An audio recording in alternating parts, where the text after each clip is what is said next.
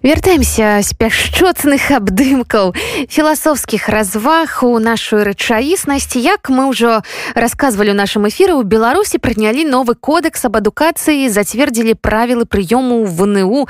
Сярод новага абавязковая агульная сярэдняя адукацыя цэнтралізаваны іспыты яшчэ больш тых хто паступае по так званым мэтавым накіраванні.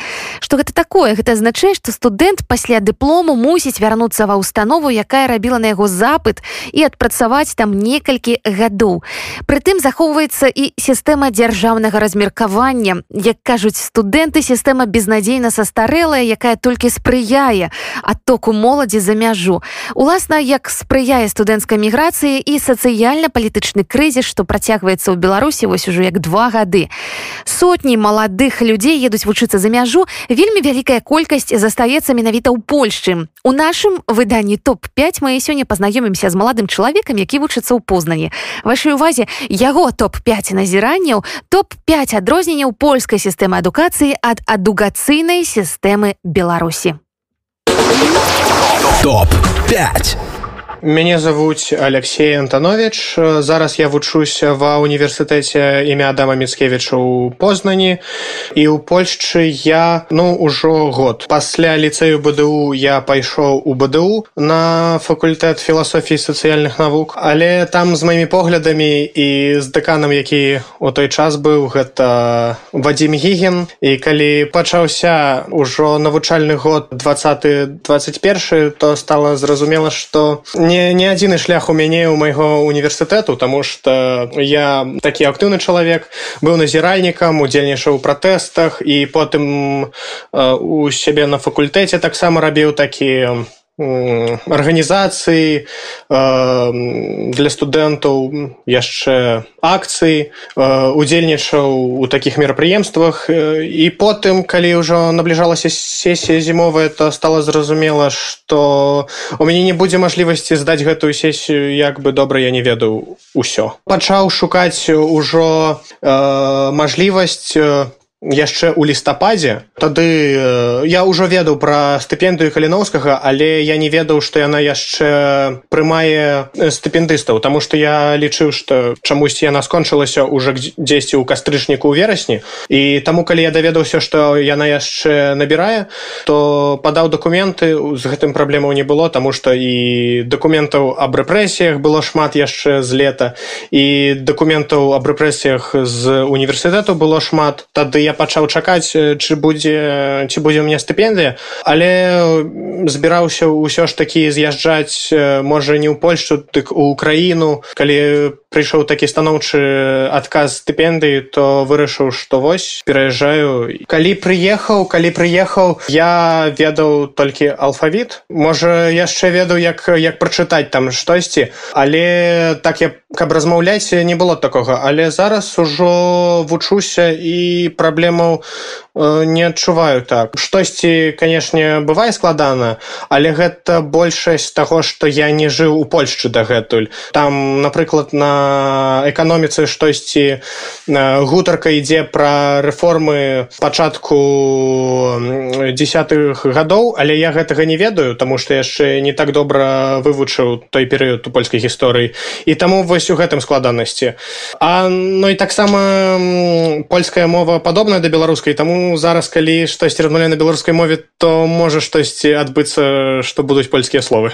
Набор на праграму каліноўскага у які трапілі вы ён сапраўды быў як бы па-за межамі таму што было вельмі шмат беларусаў які прыехалі вучыцца ў польшчу а яшчэ не адрозніваўся ад іншых набораў тым што студэнты мусілі паступаць пасля зарувкі пасля першага пасля першага такога падрыхтоўчага моўнага года. Яны мусілі паступаць самі. І вось якім гэты быў працэс паступлення раскажыце калі ласка. З аднаго боку у беларусі э, я плаціў за цэнтралізаванае тэставанне але за падачу дакументаў нічога не плаціў. Тут у польшчы я плаціў у кожны універсітэт але і у гэтым выключ азначэнне што ў польшчы я мог падаць у столькі універсітэтаў у колькі жадаю. У беларусі такой мажлівасці няма. Ты падаеш один раз і ўсё напрыклад вось калі вучыўся ў быду то я падаў документы ў быду на факультэт філасофіі сацыяльных навук і на іншы факультэт ужо не было мажлівасці у польшчы я падаўся у шэраг універсітэтаў галоўным таким варыянтам быў універсітэт дама міцкевіча і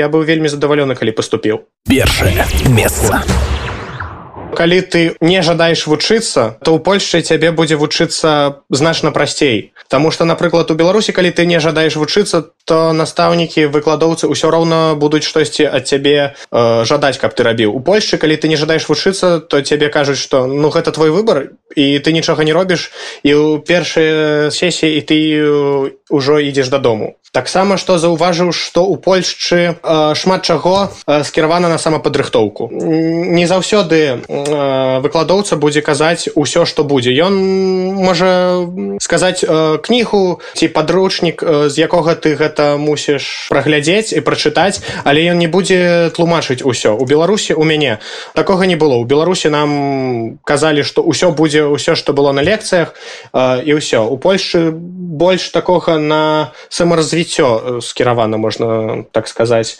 Другое месца яшчэ з таго што заўважыў ну канешне галоўнае і што для мяне вельмі прыемна што тут можна размаўляць аб палітыцы ва універсітэце і гэта не такая размова як была ў беларусі. Таму что тут можна мець розныя погляды з дзяржавай з іншымі вучнямі студэнтамі з іншымі выкладоўцамі. А у беларусі такой мажлівасці не было Таму что ў беларусі калі ты штосьці казаў супраць афіцыйнай пазіцыі то гэта было адзінае што ты мог казаць супраць афіцыйнай пазіцыі калі вучышся універсітэце.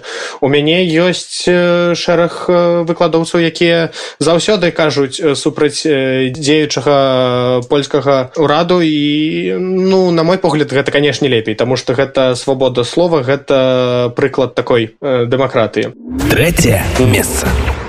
Яшчэ што заўважыў у Беларусь я ва універсітэт пайшоў у 17 э, гадоў і ну гэта было нормально. Тут 19 гэта такі мінімум і я то таксама лічу что гэта лепей тому что чалавек ужо ў больш сталым узросце ідзе в універсітэт. Гэта у чалавека больш часу на выбор спецыяльнасці больш часу на выбор сваёй будучыні. Тому что у нас я ўжо вырашаў куды пойду можна сказать у 16 гадоў. У мяне такой праблемы не было але ведаю шмат чалавек якія потым вырашалі што ну немажліва ў 16 год ужо выбраць сваю будучыню так канчаткова. Чавёртае месца я у беларусі вучыўся у найлепшай установе вышэйшай адукацыі ў беларусі так заўсёды кажуць.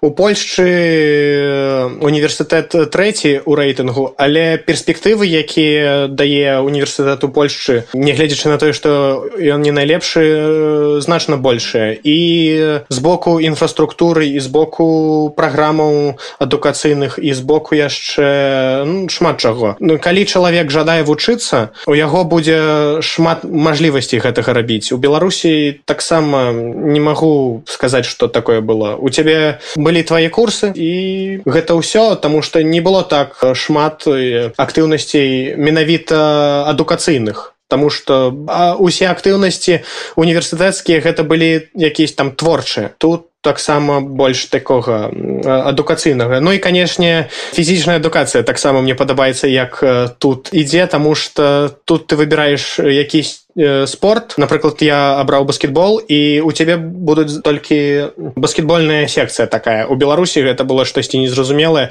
І фізічная адукацыя ў беларускіх вышэйшых навучальных установах гэта штосьці не патрэбна сапраўды. Пятое месца і канешне тое што няма скіравання да працы. Гэта Беларусь гэта адзіная краіна ў Еўропе дзе яшчэ ёсць такое скіраванне да працы. Ты становішся таким невольнікам у 21 стагоддзі Таму что у цябе няма выбару мусіш заплаціць некалькі тысяч даляраў ці ехаць працаваць дзесьці ў рэгіён дзе няма працы дзе няма грошай і дзе няма што рабіць дзе няма самаразвіцця тут ты ўжо сам шукаеш штосьці няма гэтага і гэта таксама добра. І што заўважыў я вучуся на кірунку паліталогія і у нас ёсць практыка. Я лічу што гэта добра што тут у цябе падчас гэтай практыкі ёсць мажлівасць займацца не тое што палітыкай але чымсьці каля палітыкі. Можаш э, гэту практыку праходзіць у пасла у сейме чы ўрадзе мясцовым. І гэта таксама добра тому что ты ўжо будзеш калі скончыш адукацыю цябе ўжо будзе дасвядчэнне э, як